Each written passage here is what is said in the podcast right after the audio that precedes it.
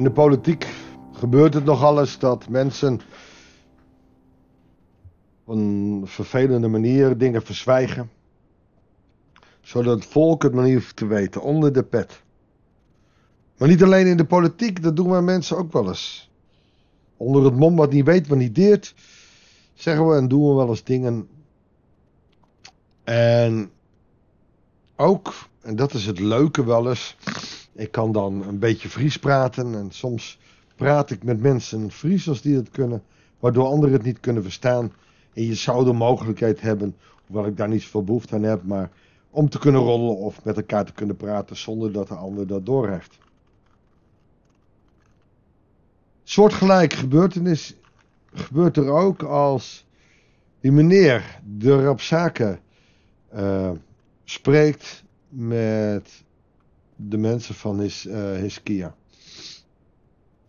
En meteen vragen ze, joh, kunnen we dat even in een andere taal doen, want de mensen hoeven het niet te horen. Nou is het in dit geval niet om het stiekem te doen of onder de pet te doen, maar omdat de woorden van de rapzaken nou niet 1, 2, 3 bemoedigend zijn voor het volk. En wat de drie mannen willen is geen paniek onder de bevolking voordat de Skia überhaupt heeft kunnen reageren. Dus in dit geval is niet wanneer weet, wanneer deert, om het geheim te houden, maar juist om de rust te houden.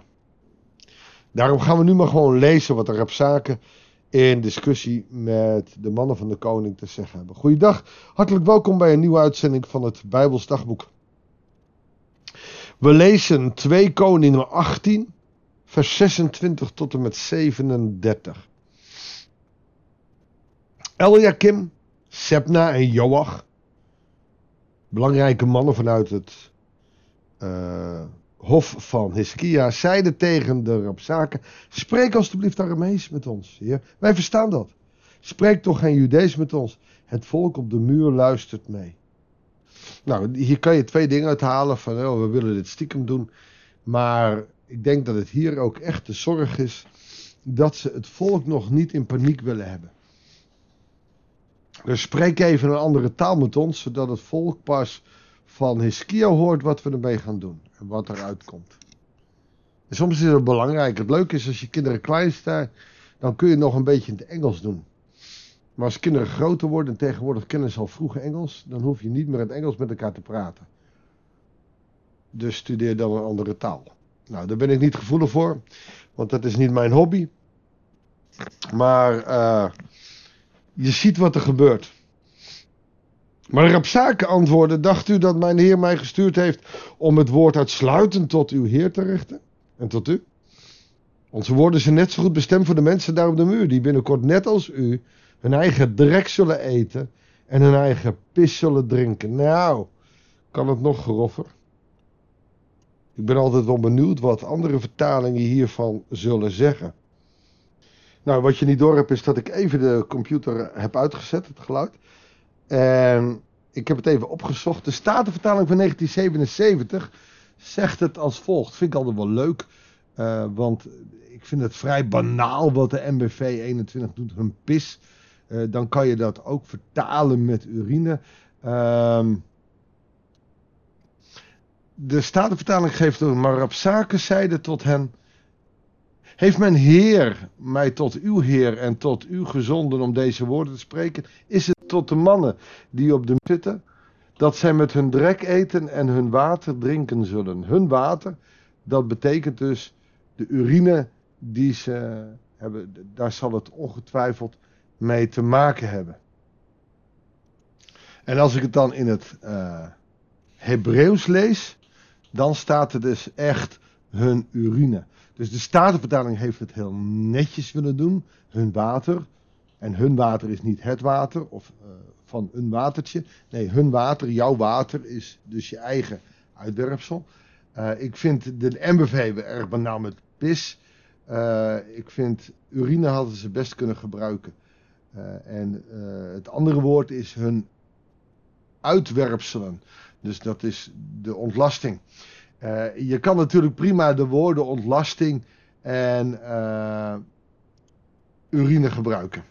Nou, dat is even nagekeken uh, wat, wat er in, in de grondtekst staat.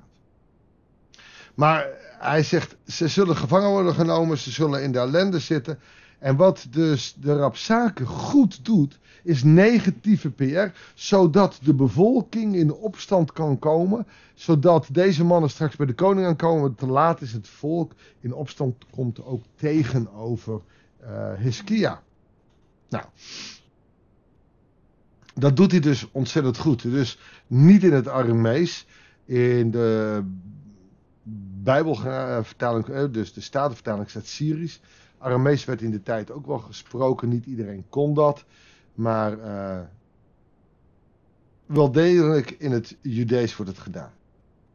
En Rapsake, rechtte zijn schouders, verhief zijn stem en zei in het Judees.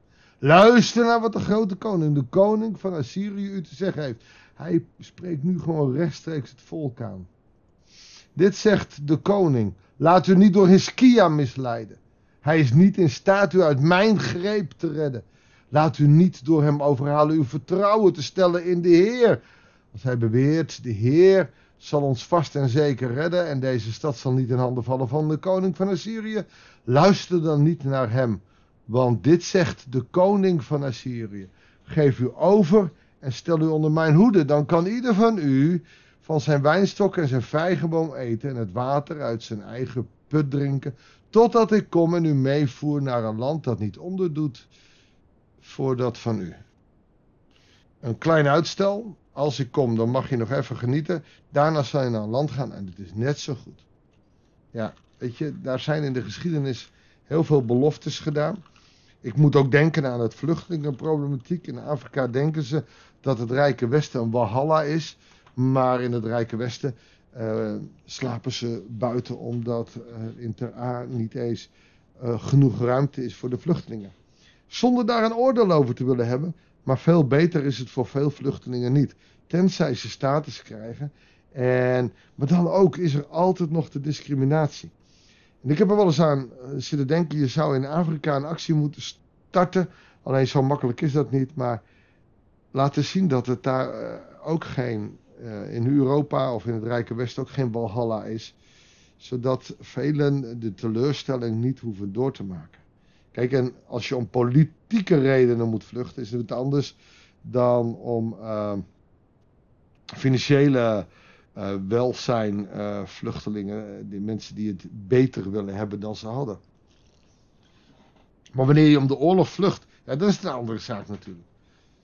Nou, eh, ik ga er ook verder geen politiek debat aan uh, geven, maar er wordt een gezegd, als je naar Nederland gaat, nou, dan word je, krijg je geld en word je rijk. kan best wezen dat dat in hun perspectief gebeurt, maar ik weet ook dat heel veel vluchtelingen teleurgesteld zijn, graag terug zouden willen. En dan heb ik het over de echte vluchteling die voor zijn of haar leven echt, dat hij daardoor gevaar loopt. Nogmaals, geen debat. Maar het, het, geeft een beetje dezelfde sfeer. Jullie zullen worden uitgeleverd. En dan, maar dan kom je in een land wat bijna net zo goed is. Ja, Amahula, je komt in oude versleten hutjes. En je moet het land bewerken voor die koning. Je bent gevangen. Ook al ga je niet in de gevangenis, je bent gevangen. Nou, daar gaat het een beetje om. Alleen hij stelt het hier mooier voor. En als je niet luistert, ja, dan zal je overvallen worden. En dan ga je meteen je eigen urine in je eigen ontlasting eten. Oftewel, hij zet het hier scherp tegenover elkaar. Hebben de goden, want dat gaat nog even verder, uh, want we zitten tot 37. Hebben de goden van de andere volken hun land soms gered uit de handen van de koning van Assyrië? Wat hij hier doet, is God met de andere goden gelijkstellen. En dat is een zwaktebod, dat had hij nooit moeten doen. Want velen weten dat, nou, zeker als je in de geschiedenis kijkt, dat God sterker is dan welke God dan ook. Waar zijn de goden van Hamat en Arpad gebleven? Waar waren de goden van de Sefarwaim, Henna en Iwa? Hebben die de Samaria soms uit mijn handen gered? Als geen enkele God in staat is gebleken zijn land uit mijn handen te redden, hoe zou de Heer van Jeruzalem dan uh, jullie kunnen redden? Nou, die andere afgoden zijn de goden van Israël die toegelaten werden. Dat zijn de afgoden geweest. Ja, dat zijn stenen beelden, die redden niemand. En hier wordt God op gelijk niveau gezet met die stenen beelden. Als ik nu godspolitiek in handen had, zou ik zeggen, nu gaan we reageren. Hoe God reageert zien we dan wel weer. Maar hier wordt God beledigd. Nou kijk, als God wel deze Syrische koning gebruikt om het volk te treffen met zijn toorn, dan trekt hij er niks van aan. Want hij blijft altijd machtiger en ook als het volk wel in ballingschap gaat, weet hij ze daar ook alweer uit te redden. Dat weet deze uh, niet, dat weet ook de koning van Assyrië niet. En bovendien spotten ze ermee. En dan lezen we in vers 36, maar het volk zweeg en antwoordde met geen woord, want zo had de koning het bevolen. Hofmeester Eliakim, de zoon van Gilkia, hofschrijver Sepnar en kanselier Johan, Joach, de zoon van Asaf, gingen met gescheurde kleren naar Skia om hem de woorden van de Rapsaken over te brengen. Ze zijn niet optimistisch. Het zijn geen mooie woorden. Het zijn harde woorden. Ook krijgen wij ook wel eens harde woorden. Ik kan je beloven dat als je vasthoudt aan God, dat lang niet alle ellende uit je leven zal verdwijnen. Maar hij je wel de kracht geeft om er de, me, mee doorheen te gaan. Zo beter. En dat merk je ook in deze tijd, maar ook in die tijd. Ook al ging het volk in ballingschap, God bleef bij ze. Dat is geen schrale troost. Maar dat is de werkelijkheid die keihard is. Dat is ook in deze tijd. We kunnen nou eenmaal niet zeggen, ja, God zal het wel doen. En als we God geloven, dan gaat het niks fout. Die prosperity theologie heb ik niks mee. Maar we zullen door de ellende heen gedragen worden door God.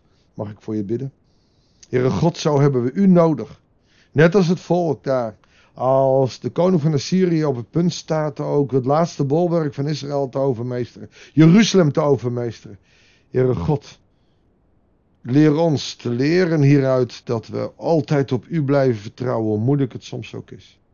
Geef ons de kracht om door de kracht van de geest ons niet te laten leiden door wat de wereld wil, maar door wat u wil in ons leven. Zegen ons zo ook vandaag. In Jezus' naam. Amen. Dankjewel voor het luisteren. Ik wens je God zegen en heel graag tot de volgende uitzending van het Bijbels Dagboek.